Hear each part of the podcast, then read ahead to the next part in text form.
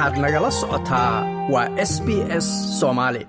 dowlad goboleedka puntland ayaa ka hadashay magacaabista cabdikariin xuseen guuleed oo dhowaan madaxweynaha dowladda federaalk ee soomaaliya xasan sheekh maxamuud uu u magacaabay ergeyga arrimaha somalilan u qaabilsan dowladda soomaaliya waxaana puntland ay wax lala yaabo ku tilmaantay in madaxweyne xasan sheekh uu xilligan magacaabo ergey somalilan iyada oo dagaal in ka badan muddo laba bilooda uu ka socdo magaalada laascaanood ee xarunta gobolka sool war-saxaafadeedka ka soo baxay wasaaradda arrimaha gudaha ee maamulka puntland oo ka koobnaa ilaa iyo lix qodob ayaa waxaa lagu sheegay in tallaabada madaxweyne xasan uu qaaday ay u muuqato dhayalsi iyo hoosu dhig baaxadda culayska mushkiladda laascaanood ka taagan iyo gudasho la'aanta siday yidhaahdeen waajibaadkeeda dastuuriga ah ee difaaca shacabka gobolkaasi sool qodobada war-saxaafadeedka oo lix qodob ka kooban ayaa qodobka koowaad waxaa lagu sheegay waxaa loo akhrin karaa ayay yidhaahdeen marin habaabin qorshaysan oo lagu degdegay si indhaha dadka soomaalida ah iyo kuwa beesha caalamkaba looga jeedinayo colaadda iyo xasuuqa siday yidhaahdeen dadka reer laascaanood culayskana laga dulqaado muuse biixi iyo gaboodfalkiisii qodobka labaad ayay waxay ku sheegeen dhayalsi iyo hoosu dhig baaxadda culayska iyo mushkiladda maanta laascaanood ka taagan iyo gudasho la'aanta waajibaadkeedii dastuuriga ah ee difaaca shacabka gobolkaasi sool qodobka saddexaad waxay muujinaysaa welwel iyo shaki ah in aan dowladda federaalk soomaaliya garsoore iyo dhexdhexaada ka noqon karin colaadda laascaanood iyo qadiyadda laysku hayo maadaama ay aragti gaar ah ay ka leeyihiin in gobolka sool iyo sanaag ay qayb ka yihiin somalilan sida la yidhi.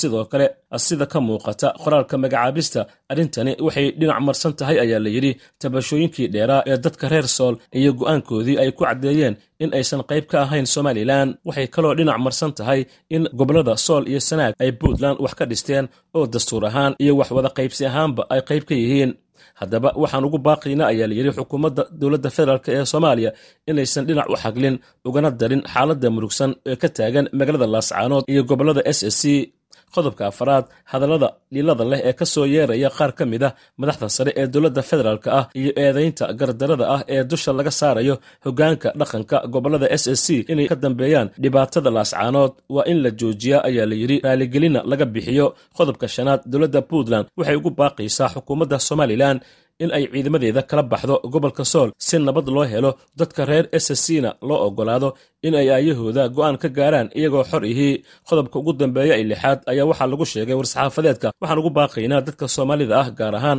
shacabka reer puntland iyo beesha caalamkaba in ay labanlaabaan gurmadka iyo dadaalada bani'aadinimo ee lagu garab istaagayo dadka ku waxyeeloobay colaadda magaalada laascaanood iyo deegaanada hoostaga ee gobolka sool ayaa lagu soo gebagabeeyey war-saxaafadeedka ka soo baxay wasaaradda arrimaha gudaha ee maamulka puntland dhanka kale iyada oo weli lagu guda jiro bisha barakaysan ee ramadaan islamarkaana ay jiraan qoysas fara badan oo aan haysan wax dhaqaale ah gaar ahaan carruurta agoonta ah ayaa hay'adda hormuud islam foundation waxay lacago taakulaynaha guddoonsiisay carruur fara badan oo agoon ah kuwa oo ku jira xarumaha lagu xanaaneeyo agoonta ee magaalada caasimadda muqdisho. Munaasabadda ayaa waxaa ugu horrayntii ka hadlay guddoomiye ku-xigeenka hay'adda hormuud islam foundation cabdiraxmaan ibraahim cilmi waxaana uu sheegay in lacagtan loo qeybiyey carruurtan agoonta ihii oo laga soo kala xulay ilaa iyo koob iyo labaatan xarumood loogu talagalay inay ku afraan oo ay ku iibsadaan dharkooda ciidda. Marka waxaan go'aansanay annagoo ah hormuud islam foundation in kun agoon aan maanta ka farxinno isla markaasna ay qayb ka qaataan afurinta yani afurintooda qayb aan ka qaadanno. Runtii waxaa ilaahay mahadiya kunkaas kunkaas agoon inaan joogtaynay oo annagoo u marayno labaatan iyo kow xarum ee ka shaqeeya magaalada muqdisho. Marka maanta waxaan rabnaa marka agoontaas oo kun gaarayo in aan siino muxuu ahaa lacag. Lacagtaas aan u talagalnay inay ku afuraan isla markaasna dharkooda iidda ay qayb ka noqoto. Waxaan ognahay nebiga sal allahu alayh wasalam inuu aad iyo aad u baraarujiyey agoonta dadka u adeego kafiil ka noqdo inay ma aragtay jannada nebiga ay rafiiq kula noqonayaan. Annagoo taas aan ku duuleyno ayaan jeclaanay hormuud islam foundation inay si joogto ah qayb ugu qaadato taakulaynta agoontaas. Mas'uuliyiin ka tirsan xarumaha agoonta ee laga soo kala xulay carruurtaasi agoonta ihi ayaa si weyn ugu mahadceliyey hay'adda hormuud islam foundation maadaama ay ka farxiyeen carruur agoon ah oo waalidiintoodii waayey. Hormuud foundation oo dhab ahaantii kaalin muhiim ah ka geysatay hawshaasi una taagan dhab ahaantii inay daryeesho wax u qabata dadka dhibaataysan eena u horeeyaan agoonta. Aad iyo aad baan ugu mahad celinayaa arrinkaasi waa wax aad iyo aad looga farxo weeye. Dadka ma wada gartaan intii ilaah u garasiiyey aad iyo aad ayaan ugu mahadnaqaynaa. Ilaahayna waxaan u weydiinaynaa subxaana wa tacaala inuu ka jazeeyo abaalgud weyn ka siiyo. Maxaa yeeley nabigu wuxuu tilmaamayaa calayhi salaatu wasalaam xadiiska shariif ku tilmaamaya ana wa kaafil yatiimka hatayn fi ljanna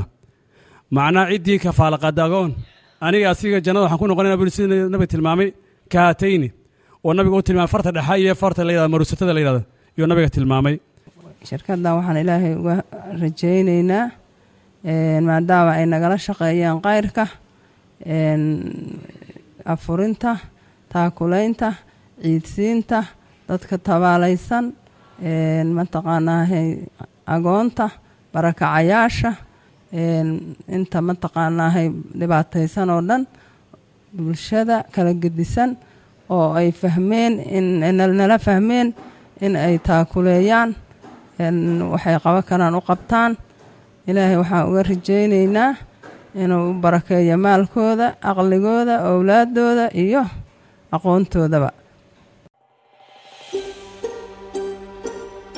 ma doonaysaa sheekooyinkan oo kale ka dhegayso apple podcast google podcast spotify ama meel kasta oo aad bodkastigaaga ka hesho